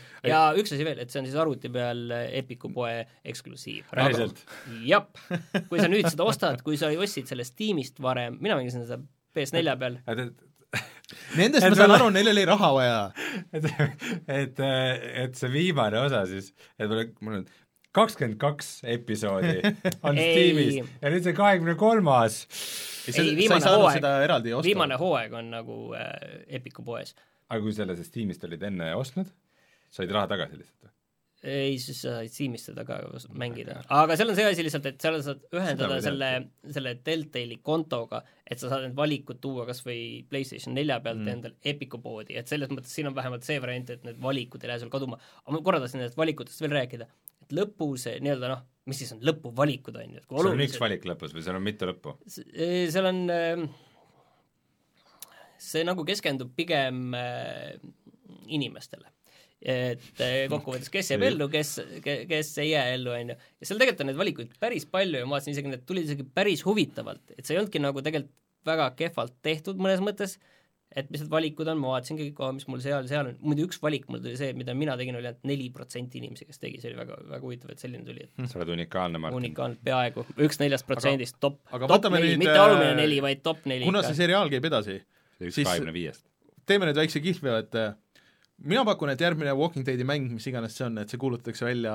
mitte see aasta, mitte järgmine, aga kahe aasta pärast keegi tuleb mingisuguse Walking Deadi mänguga, võib-olla isegi üritab mingisugust sellist formaati üles äratada. jaa, mul on nagu ei, mul on tunne, et sellega on nagu kõik selles mõttes, et äh, vaata, siin oli ka see asi, et see Deltali mängude ja selle formaadi müüginumbrid olid niivõrd palju kukkunud mm., et see praegu ei tundu ka äriliselt liiga hea otsus olema ja see Skybound põhimõtteliselt tegeles ka heategevusega, mida muidugi aitas Epic enda dollaritega, et see keegi, asi lihtsalt ära keegi lõpetada. keegi ostab selle ära, selle seeria, keegi annab remaster'i välja ja siis mulle tundub see..., et see Walking Dead on äh, juba nii tühjaks imetud ja välja venitatud, et, et, äh, et, et, ta et ta on jõudnud mingis mõttes ka sellele tasemele, et tal on piisav nagu nostalgiaväärtus mm -hmm. mingite inimeste jaoks, et alati nagu on mõtet siin sellest maailmast midagi Just. teha, aga see miski ilmselt tulevikus saab olema mingi suht prügi äh,. mobiilimäng. niisugune, niisugune low no, effort mo. mobiilimäng ei loe, aga ma mõtlen Need on juba olemas. niisugune low effort äh, nostalgia prügi. keegi teeb jälle mingisuguse shooter'i nagu see Overkilli oma või, või midagi niisugust nagu. See... aga, aga ta enam kunagi nagu prožektori valguses ei, see platoo oli juba ammu, et nüüd oli ammu juba, ammu juba langemine. aga, aga vaata, natuke on see, ka see teema, et nagu zombikad üldiselt on mm. ka nagu, et vahepeal oli kõva, kõva laine neid ja noh, veidi see teema nagu praegu, kui see Bloodlinesile järg kuulutati välja, et siis nagu, et noh, et kas need vampiirikud, et kas keegi tahab nagu praegu meid vampiirimänge mängida, et nagu zombikatega nagu võib juhtuda sama asi, et isegi kui see saab olla, olema väga hästi tehtud, siis momendil on nagu kõigil on vist ikkagi viimasel ajal on suhteliselt nagu leebeks läinud see okei okay,, Left 4 Dead'i ma võiks no, mängida. vahepeal oli neid zombimänge palju, aga nagu nüüd on minu meelest nii palju vähem, et aeg on tagasitulek, tulekuks nagu aga noh, alati, alati on äh, olemas võimalus, et keegi teeb midagi väga hästi, nagu näiteks kui Last of Us välja tuli mm., siis see on ka sisuliselt zombimäng, aga, aga ja see oli, tuli ajal, kui oli natukene üleküllus zombimängudest, aga kuna nad tegid seda nagu oma twistiga, seenezombid eh,, siis, ja tegid seda niivõrd hästi, siis see ikkagi nagu toimis ja inimesed ikkagi tahtsid seda mängida. aga, aga jah Walking Dead meil, jah. meil öeldakse ka, et hindeks äh, tugev kolm, kui mitte neli pika miinusega. ei ta ongi seal kolme juures, ma ei ütlegi, et, ma ei ütlegi, et ta tegelikult nagu kuidagi olekski nagu halb. kolm viiest on kuuskümnest, see ei ole väga jaa, aga ma ütlengi, et see on nagu okei okay,, et selles mõttes, et selle võib nagu läbi mängida, aga see ei ole midagi, mis vaatajad mm. nüüd, et küll on, küll on suurepärane. aga sa rääkisid zombidest, räägi siis mutantidest ka. jaa, ma lõpuks jõudsin nüüd äh, Mutant Year Zero Road to Edenini mis on siis äh, Funcomi, tegelikult nad vist levitaja ja seal kuidagi midagi teinud, aga seal mingid teised väiksemad stuudiod ka teinud, see käigupõhine rollikas on vist õige sõna. ta rollikas ei ole ka õige sõna, no tegelikult on rollikas jah, kus sa oled ta on X-kom, ma saan aru. ta on X-kom põhimõtteliselt jah, ütleme nii, et see on X-kom kurat, siis, siis kui ta on X-kom, siis ma väga ei ütle, on rollikas. no ta on rollik-. ta on siis mingi taktikaline taktikaline tulistamine. Nagu. meeskonna kombineerimine. tiimipõhine tulistamismäng, käigupõhine tulistamismäng mm, -hmm, sõnastame okay. nii, või võib-olla jah, kui me tahame seda žanrit määratleda jälle. oota, ma korraks ütlen, et eh, chat ütleb, et Walking Deadi lubatakse kümme hooaega veel eh, ja kes lubab? tehakse kol luba. kolme filmi eh, Neid filme tehakse jah, neid aga, telefilme okay. EMC teeb, aga ühesõnaga, kurat, see on väga hea mäng, ma julgen seda öelda. ta, ta näeb natuke ehmatav välja, sellepärast et see toimub kuskil pärast maailma lõppu ja seal inimesed ja som-, mutandid ja nad segamini ja sul on alguses kaks peategelast, kellest üks on selline metssiga, noh, selline inimese moodi, käib ringi okay., ja teine on äh, part, selline suur inimese moodi. ja muidu on nagu X-kom, neil on, neil on relvad, äh, neil on äh, käigud ja neil on varu, varustus ja see mängib täpselt niiviisi ja see on, see on väga äge, mis mulle mm. eriti selle juures meeldib, on see, et Äh, ole täishinnaga, see on kolmkümmend viis eurot, aga ta ei ole ka nagu täis, täispikk mäng nagu mingi Wasteland kaks mm, -hmm. mis on nagu sarnane žanr, vaid ta on pigem kuskil seal viisteist tundi või kuskil sealkandis. aga, aga ta on sellena väga hea, ta nagu ei hoia sul käest meeletult. et äh, algusest peale on see mäng raske, ma võtsin ka muidugi raske raskusastme, aga raske raskusastme on tegelikult äh, raskuselt äh, teine raskusaste alles mm. -hmm. pärast normalit, pärast seda tuleb veel ultra hard ja siis oli mingi permatehti mingi variant, kus põhimõtteliselt sai seda save ida ka, et äh, okei. okay. et see, see on nagu hästi äge, et sulle alguses ei õpetata mitte seda, et oo oh,, nüüd võta see ja need tulista niiviisi, vaid väldi neid, ära nendega küll kohe võitlema hakka, need on su jaoks liiga tugevad. no need on juba võib-olla, aga no sa pead ise mõtlema, kas sa lähed või ei lähe, on ju ja, ja see siiani ma olen ka kuskil kaks-kolm tundi mänginud ja ma olen ka praegu sellises kohas, et eh, see on kaart, kus sul on oma see sõlmmaailm ja väiksed kaardikesed, kuhu sa saad eh, otse igalt poolt minna ja neid kaarte avastada ja, ja mul on nagu selline koht, et ma olen nagu enam-vähem igalt poolt käinud, aga kõik, kes nüüd, kuhu ma saaksin edasi minna, tunduvad nagu päris tugevad. et ei tahaks neile nagu peale joosta ma peaks kuskilt vaikselt hakkama veel nokitsema, et kuidagi saaks äkki ennast tugevamaks või paremaks et mulle sellisena see, see väga meeldib, et see nagu kogu aeg suudab olla väljakutse, mitte nii, et võib-olla üks hetk see krõks käib, on ju, kus sa oled see, et sa oled nüüd selles maailmas nii tugev, et sa lähed kõikidest vastastest läbi, aga praegu on see tunne küll kogu aeg, et ma olen sellest maailmast kogu aeg nõksa nõrgem. Okay.. ma olen aru saanud, et seal on äh, palju niisugust hiilimist, sa saad asjadest nagu mööda hiilida vist jaa, ma just ja... tegingi seda, et mingitest tugevamatest vastastest hiilisin mööda. kuidas sa seda mängid, ongi see, et äh, sa, see mäng toimub reaalajas, muidu sa käid reaalajas mööda kaarte ringi et sul on kaks varianti, kas sa niisama jooksed, taskulamp käes, või hiilid, kui sa vastaseid näed, siis on sinu valik, on ju, kas sa lähed mm -hmm. peale või ei lähe. Äh, sa saad nendest mööda võib-olla hiilida, võib-olla ei saa. kui mõni vastane on nõrgem ja teistest eemal, siis sa saad ta üksinda maha võtma.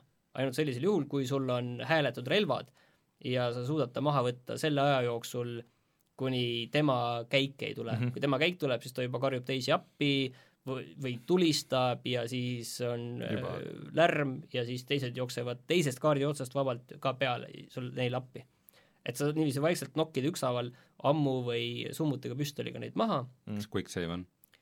on küll et sa, sa saad igal pool jah save ida, kui sa tahad, et vähemalt sel see, raskel raskusel. mulle meeldib, kuidas see välja näeb, minu meelest kas need ei olnud endiselt Avalanche'i tüübid, kes seda tegid? seda ma ei tea, et äh, äh, aga ühesõnaga Raided by team including former Hitman leads või jah, Hitmani tüübid mm., jah, õige jah, et äh, ja see on tegelikult Gamepassis, et äh, ta on nagu, ta, ta on selle mänguna nagu väga hea, et hmm. Äh, kuidas sa, kuidas sa seda avastad, seda maailma, kuidas sa liigud, kuidas see käigupõhine võitlus, käigupõhine võitlus, see käib nagu täiesti, nagu täiesti klassikaliselt, sul on see varjumine, sul on poolvarjud ehk madalad varjud, täisvarjumine, sul on granaadid, sul on molotovid, sul on suitsugranaadid äh, kas äh, Mutant Year Zero tegelastele tekib ka mingeid võimeid? Mängu edenedes? jaa, tekib äh, võimeid äh,, alates sellest, et sa saad äh, lahti lukustada noh, mingeid lihtsaid asju, et sa saad hoida kahte või kolme granaati, aga sa saad ka seda, et sa saad äh, sprintida ja tulistada ja mingid eri- ja mingi vastaste mingeid liigi omasid var, asju, varju tulistada. äkki, äkki part saab äh, muneda muna ja seda visata mingi... seda ei ole, aga ma sain endale kolmanda tegelase vahepeal sinna juurde, kolmanda mutandi, kes on naine ta näeb välja nagu täiesti tavaline naine, aga ta on mutant. kuigi teie, kui need meestegelased on äh, siga ja part, siis on nüüd naine, kes on täiesti tavaline naine. et äh, ei näe visuaalselt, erineb välja äh, tavalisest naisest, et aga ta on mutant. aga seal see mingi story on ka nagu või story on lihtsalt nagu pigem niisugune story on vist nagu okei okay,, seal pigem selline keskpärane, et nagu kaasa väga ei tõmba, seal dialoogi on tüüpidel, kui nad seda avastavad, seda maailma päris palju, on ju. Mhm. aga, aga noh, see ei ole nagu midagi, ta on nagu okei okay., et see okay. nagu töötab seal, nagu ta on. okei okay,, me äh,, kõige olulisem küsimus mul, olles äh,, olles X-komi suur fänn äh,, aga oota, X-kom kahte ma vist läbi ei teinudki, jaa, X-kom kaks mul jäi pooleli äh,. Mis mind jubedasti, ma vahepeal nagu sügeleb äh,, ma olen mitu korda mõelnud, et võiks selle X-kom kahe selle lisapaki võtta ette, mida nagu päris palju on ka kiidetud äh,. Ja ja siis mulle meenub nagu kõige, asi, mis mind kõige rohkem häiris äh, X-kom kahe juures, on see, et äh, kuidagi see äh, see nagu kombati süsteem, mis seal toimus, oli, oli ikka kuidagi väga poolik ja suurte vigade ja aukudega.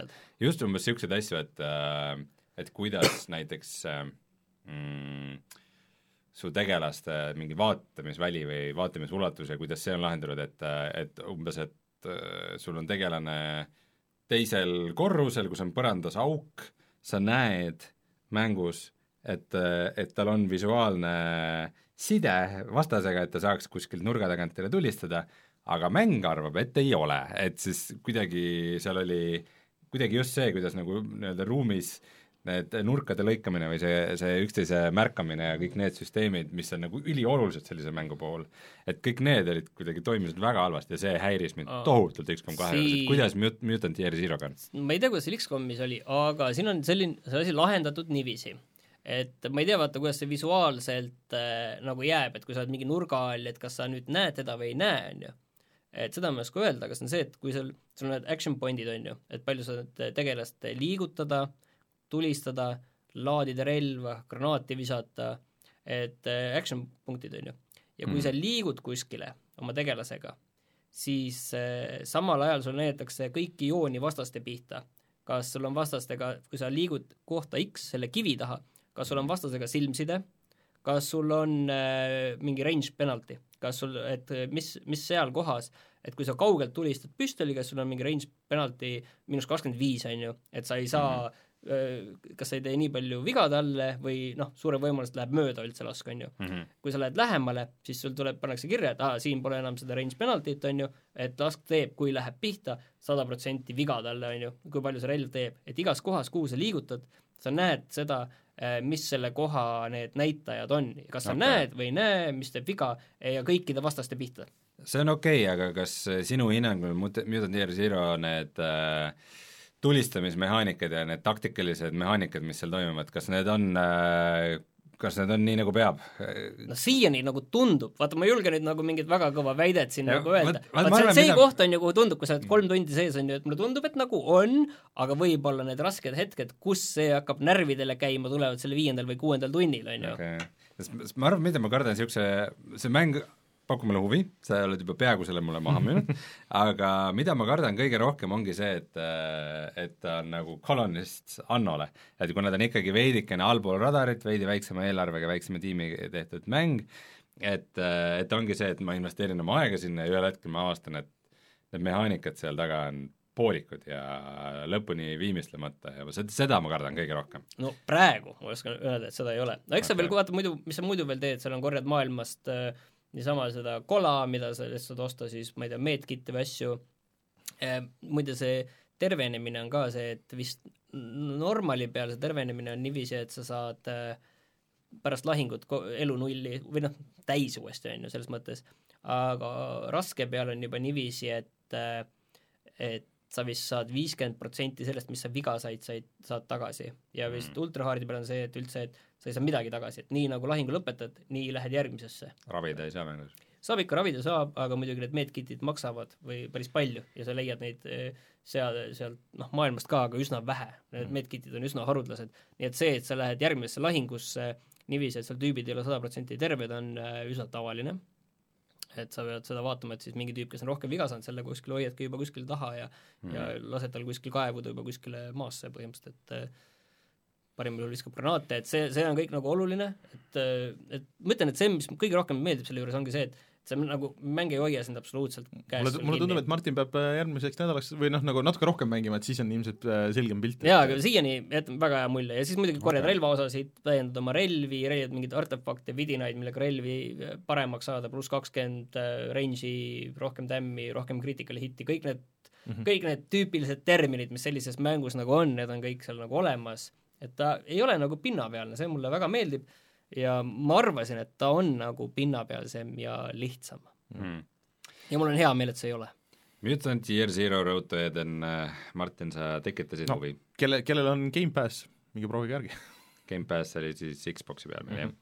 oota, ta on siis kõikidel konsoolidel ka, jah? ta on konsoolidel ja arvutil ka Steamis kolmkümmend viis eurot, Epiku poes minu teada ei ole mille peal sina mängid seda uh,? PlayStation nelja peal äh,. Ma seda veel ütlen ka, et tavalise PlayStation nelja peal see jookseb veits kehvasti, PS4 Pro peal väga hästi. aga ma saan aru, et Sekirot sina ei ole mänginud vahepeal? ei ole jah, vot selleni ma ei jõudnud. okei okay,, meil on siis nüüd üleval video Sekirost mm, -hmm. Sekiro Shadows twi-, Die Twice, see on nii raske öelda mm, -hmm. Uh, meie YouTube'i kanalil, vaadake üle, vaadake, kuidas tundub, tegu on siis uh, From Software'i uh, mänguga uh,, need kes on teinud Dark Souls'id ja Bloodborne'id Äh, rääkima. kui inimesed tulevad meile saatesse ja ei tea, millest jutt on, siis me ei saa, et oo, ta on ikka sama, mis eelmine kord oli äh,. igatahes, see oli kiire sissejuhatus. ma olen mänginud Sekirot äh, vahepeal üsna palju, kui eelmine kord ma ütlesin, et äh, pole ta nii raske ühti, siis just see koht, kus me video lõpetasime, seal oli üks koridor, seal koridori lõpus on üks boss Lady Butterfly oli vist ta nimi või midagi sellist see pidavat olema selline esimene tõsine boss, ma saan, olen aru saanud. see oli päris tõsine boss ja ma arvan, et ma umbes kakskümmend korda pidin taga võitlema, et, et võita olen... ja vahepeal käisin mujal ja sain mingeid upgrade'e ja asju juurde, et mu eluriba oleks veidi pikem ja et saaks rohkem ravijooke juua ja ma olen aru saanud, et see on selle mängu ka murdepunkt, et kui sa nagu selle ära teed, siis sa tõenäoliselt teed selle läbi, aga kui sa sinna taha kinni jääd, siis sa ei teegi seda mängu läbi, selles mõttes, et sa jääd nagu noh, mitte nagu kinni, et jah, sa muidugi ei tee mm. läbi, aga kui sul on niiviisi, et sa jääd seda proovima ja see, see nagu tõmbab selle motivatsiooni maha ja siis on ah, et kui sa selle läbi teed, siis ülejäänud on nagu tehtav juba mul oli see asi, et äh, see läks nagu paralleelstory, et see, see koht, mida ma teile näitasin videos, et see oli nagu justkui mingi mälestus või unenägu või nagu, et, et see oli niisugune paralleelselt kulgev story, aga sa said nagu tavamaailma tagasi hüpata mm. -hmm. ja siis ma mõtlesin, et ma tavamaailmas natukene progresseerun siis vahepeal ja tulen selle liblika neiu juurde, vanaema juurde tagasi äh, ja siis selles tavamaailmas ma jõudsin ühe bossini, kes põhimõtteliselt oli täiesti võimatu, keda, kellega üldse võitlemiseks oli vaja mingeid äh, siis asju, niisuguseid nagu ajutise kasutusega objekte, mida mul oli kolm, mis tähendab, et ma maksimaalselt sain temaga kolm korda võidelda, esimene kord, kui ma selle ajutise asja ära kasutasin, siis siis ma tegin talle umbes mingi viis protsenti liiga. Ja siis ma mõtlesin, et kas nüüd ongi pekkis ja siis tuli välja, et see, kus on, et see oli ikkagi mingi valikuline boss, et, et see põhistory läheb mingit teist koht, teed mööda edasi, mida ma lihtsalt ei näinud. Ja siis siis ma ikkagi läksin sealt. Ja nüüd on Butterfly maas, see ajutine boss on ikka seal alles, seal koopas, tema juurde ma jõuan kunagi hiljem. Dark Soulsis ma mäletan ka, et tegelikult need valikulised bossid eh, kolmes näiteks olid eh, mõnes kohas palju raskemad kui need põhiliini bossid. Ja sa tegid selle läbi ja sa mõtled, oo oh, jess, ja siis sa said mingi asja ja ja siit edasi Said ei saagi. diplomi. diplomi ja siit edasi ei saagi. aga meil chatis öeldakse ka, et et see Butterfly on tegelikult veel nõrk, nõrk tulevaste bosside ees. ei, ma olen nüüdseks juba päris palju kaugemal tast, et äh, hobusega boss sai maha võetud sealt edasi, ma, ütleme, kui keegi, kes seda mängib, siis infoks nii palju, et ma olen Ashina Castle'is, et, et sealt juba natuke maad edasi. et põhimõtteliselt, et, et see castle on nagu selline koht, et äh, kui enne mäng kulges ikkagi suhteliselt lineaarselt, siis nüüd on järsku igas suunas on võimalik kuhugi minna, eile, eile õhtul, kui ma seda viimati mängisin, siis põhimõtteliselt oli niimoodi, et ilma kordagi vahepeal suremata või puhkamata äh, ma leidsin mingi neli või viis seda Sculptor's Idol ehk siis selle mängu nagu Bonfire'it. mida nagu Dark Soulsis ei juhtu nagu mitte kunagi, et äh, et praegu rõõmsalt avastan ja ja nüüd ma jälle ütleks, et tegelikult jah, see ei ole nii raske mäng, et aga... sest et see ikkagi need, see põhisüsteemid on suhteliselt andestavad, kui sa saad surma, sellest ei juhtu tavaliselt midagi hullu äh,, kui midagi juhtub, siis sa saad selle nagu leevendada, et äh, see, et ma selle bossi juures väga palju kordi surma sain, see ka otseselt midagi mulle väga ma just täna sattusin video peale, kus äh, tehti läbi ilma kordagi surma saamata nagu jutti. Äh, klõpsisin natuke läbi seda, et see ikka päris äh, impressive vaatamine oli, kusjuures paku palju on, kui kordagi surma ei saa, järjest teed. Niisugune äh, veits niisugune speedrun, kui palju kokku tuleb? Äh, keegi on vist tunniga läbi teinud selle mängu küll, ma pakun, et see run siis on veidi roh-, veidi rohkem või? Mm, no natukene, et äh, tund kolmkümmend. okei okay.. no speedrun niisama oli, oli vist tund, aga või isegi vähem. aga, aga, aga äh, mis ma tahtsin, ma tahtsin midagi tarka öelda veel et kas me-, meeldib rohkem see on vaata selles mõttes nagu veider, et vaata ta räägib sellest mängust, aga üldse emotsiooni ei loe nüüd välja, et kas et nagu kas meeldib nagu või ei meeldi, et ma, kirjeldab seda, mida ta teeb. noh, ma vist juba tundsin seda suht alguses, aga nüüdseks ma ütleks, et mulle ikkagi meeldib see mäng äh,. pigem, pigem isegi väga meeldib, aga mitte ma, ma nagu mõtlesin selle peale, et kui ta nüüd nagu edasi ka läheb hästi ja nagu tase ei lange, et siis niisugune tugev kandidaat äh, aasta topi kolmandale mängule. Et äh, aga samas noh, Dark Souls kolm oli mul ka aasta kolmas, et et äh, nagu vot nendest, nendest From Software'i mängudega räägitakse äh, kogu aeg ainult sellest raskusastmest, et äh, minu meelest Sekiro on kuidagi nagu arendanud edasi seda Dark Soulside ja nagu From Software'i seda mängu äh, tüüpi või seda valemit, aga samas nagu ikkagi mingis mõttes jäänud juurte juurde, et mulle see meeldib, et mulle meeldib, et ta on nagu kiiretempoline ja mm. mobiilne ja see stealth on imelik valik, ma nagu sellega ei ole sada protsenti paadis ikka siiamaani, aga äh, et see ongi see, et kuna mäng on nagu piisavalt väljakutset pakkuv ja sa pead nagu mõtlema ja võimalusi leidma, siis sa kasutad seda stealth'i lõpuks väga mm. palju. aga siis temast saabki nagu stealth mäng, et see on mingi oo, seal on mingi vastane, keda ma pole varem näinud huvitav, mida ta teha saab. ma lähen selja tagant ja tapan ta ühe naksuga ära, et ma ei saagi teada, mida ta teha saab, et et äh, kuidagi, ma ei tea, sest, sest Selts oli väga imelik valik selle mängu jaoks. aga mis nagu From Software'i mängude juures on nagu huvi, nagu oluline mainida, on see, et nad on huvitavad mängud et, äh, et sul on neid mängides huvitav, et sa ei mhm. ole, nad ei ole nagu power fantasy'd, kus sa lihtsalt jooksed läbi ja ja üritad mingeid statte koguda, et äh, sa lähened igale probleemile või igale situatsioonile ja igale kohale niimoodi, et sa mõtled nagu, sa kaalud nagu, hindad seda, mis sul on seal ja siis äh,, siis seal on nagu mängu metas on mingi väike niisugune kivipaberkäärid, et kas sa pead dodge ima või deflect ima või tegema hüppeid või äh, või mis, mis nagu, et noh, et kui on mingi raskem boss veesi, et sa pead nagu veidi teda tundma õppima, et et see, et sa saad nagu mitu korda surma, et no et see käib nagu asja juurde, et sa nagu katse õp-, e-, eksituse meetodil nagu õpidki ja nagu et sa pead nagu mõtlema ja mhm. vaeva nägema ja see on tegelikult nagu väga lahe, et ta võib mingitel hetkel olla frustreeriv, aga, aga ta on huvitav mäng, ta, mhm. teda on nagu huvitav mängida, ma isegi kui ma vahepeal äh, tunnen, et ma ei, peksan peaga vastu seina, siis ma ikkagi, ma tahan nagu edasi uurida ja avastada ja leida, et mis see nagu võti on, et et tal ongi kuidagi niisugune mingi mõistatuse mäng on kuidagi. jaa, aga samas see on äh, ka vaat see, et miks see Dark Souls kolm oli sul ka aasta topis, sellepärast et lõpus, kui sa selle läbi teed, siis on see suurepärane saavutus, sa tunned esiteks, see jääb meelde, see on meeldejääv, on ju, see ei ole see, et mhm. aasta lõpus hakkad mõtlema, et no mis ma siis nüüd siin tegin üldse läbi ja vot see jääb, vot see jääb meelde, on ju, sest sa paned nii palju seda energiat ja, ja mõttetegevust sellesse mängu mm,, pluss see ongi selline korralik väljakutse. ja Sekiroga on siis vähem tunne, et, et mängumehaanikad äh, ka nagu võitlevad sinu vastu, et mäng ise teeb sinuga rohkem koostööd, et et pigem, et no avastame koos, et kuidas sa saad edasi, mitte et äh, mitte et äh, no sa võid seda nuppu vajutada, aga ma ei löö ma, saa ma, surma ja proovi uuesti. mul, on eelmise, eelmise löögi animatsioon on alles poole peal. sa oleks pidanud mõtlema selle oota lõpuni ja see, et sa vahepeal kogemata midagi klikkisid, no kui ma selle animatsiooniga valmis saan, siis võib-olla ma teen selle hoopis teise asja ära, et, et Sekiras ei ole seda, Sekira on, on kiire ja agressiivne ja mm, toimib. mulle meeldib Sekira. ma tahan kindlasti nüüd ka selle juurde jõuda mm.. kui ma Mutantieri läbi teen, siis mulle hakkas see väga meeldima ikka.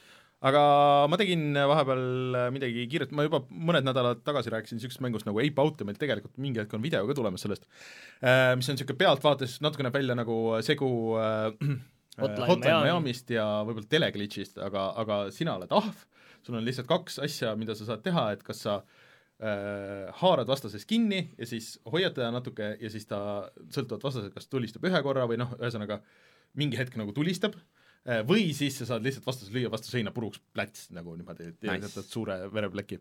Äh, ja see, seda kõike saadab väga äge trummi soundtrack, mis genereeritakse siis äh, jooksvalt, et sõltuvalt sellest, et kuidas sa mängid. ma pean nüüd tunnistama, et see materjal, mis ma sellest mängust olen näinud mm, -hmm. on siis täpselt see, mida sa kirjeldasid Ape Outist, et et lööd kas vastase mm -hmm. puruks või ta tulistab, et ma arvasin, et see on nagu on et see on nagu ainult väike osa mängust ja eriala, aga erialadel on nagu erinevad vaenlased ja erinevad ja. mehaanikad, aga seda vist ei juhtu, jah?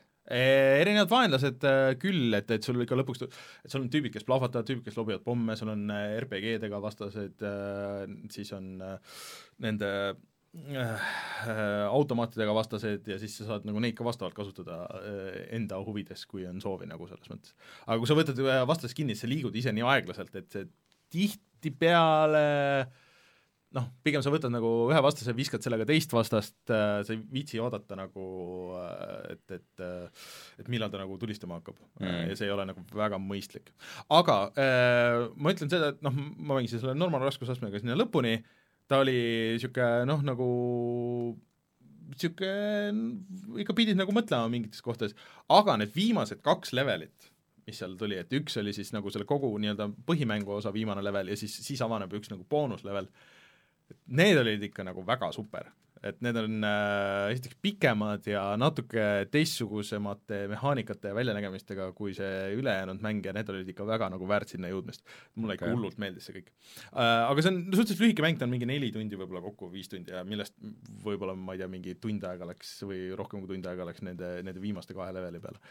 aga mm, mida ma hakkasin nagu mõtlema seda, et ma tegin selle läbi ja mulle nagu meeldis, et see oli lühike, see on ammu teada, et mulle meeldivad lühikesed mängud, on ju, ja kõik, aga ma tahaks nagu seda veel mängida, aga ma ei viitsi minna tagasi lihtsalt nagu arkeedi või lihtsalt nagu selle raskemale raskusastme selle, et see ei ole nagu päris see, et üle pika aja ma tundsin puudu nagu achievement itest või trofeedest või saavutustest või mis iganes, vaata, niisugustest asjadest. see minu meelest on niisugune mäng, kus see oleks nagu hullult palju juurde andnud, et okei okay,, et sa niikuinii proovid mingi viiskümmend korda seda levelit, aga proovi näiteks niimoodi, et sa üritad leveli lõpuni jõuda noh, ma vaatasin järgi, et kuna see on Steamis ja Switchi peal, Steamis on mingid achievement'id üldiselt olid niisugused, et noh, jõua selle leveli lõpuni, jõua sellele, jõua haardiga selle leveli lõpuni ja et siis üks, mis tundus veits absurdne, et jõua ühe selle maailma lõpuni niimoodi, et sa ei tapa mitte kedagi, vot seda ma küll ei tea, kuidas teha, aga aga seal oleks saanud niisuguseid palju niisuguseid väikseid väljakutseid nagu, mis oleks lihtsalt põnev, et see võiks olla mängusisene isegi, et et äh, noh, kasuta ainult seda tüüpi vastaseid äh, selles levelis või, või või võta see Äh, või, või, või siis äh, läbi see level äh, kuidagi äh, noh, selle, selle ajaga või hoia oma tempot nagu mingisuguse niisugusena nagu selle, selle leveli jooksul. et see oleks andnud hullult palju juurde ja võib-olla nagu viiks nagu tagasi sinna, aga ma nagu ei tunne, et ma Hardiga tahan minna mängima. aga sellegipoolest, Ape Out mulle väga meeldis äh,, soovitan võib-olla viieteist euro eest nagu natuke raskem, alguses siis, kui see välja tuli, siis maksis kaksteist vist, et kaheteist euroga nagu julgen rohkem soovitada, mida te vaatate? Me vaatame praegu väga põnevat videot, sest Nii. Äh, Sony on kuulutanud välja enda PlayStation VR-i jaoks uue seadme, see on ametlik. mitte mingi Kickstarteri jant? ei ole, see on ametlik, nii palju, kui ma aru saan. et äh, seisad peal või? see on äh, Sony kontroller, mille sa, PSVR-i kontrollpult, millele sa jalgadega seisad peal sa no sa ei, sa ei seisa selle peal, sa istud ja samal ajal sul on toetad sinna peale jalad. ahah, see on hea selle nel-, nelja erineva juhtmega, mis just tuleb nagu huvitav, ei kindlasti neid juhtmeid saab seal olema, on ju. Foot motion controller või? jaa. ja ei, no, sa on... ilmselt kõigutad ennast edasi ja liigud või?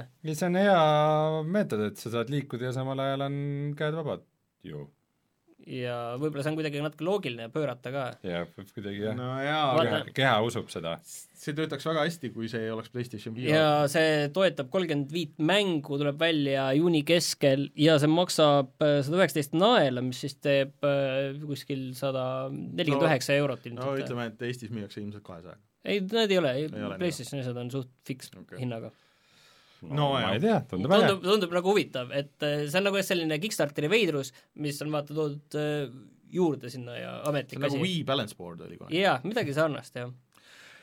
aga mängud mängitud, tuleme siis äh, tagasi vaatama, mis on internetis odav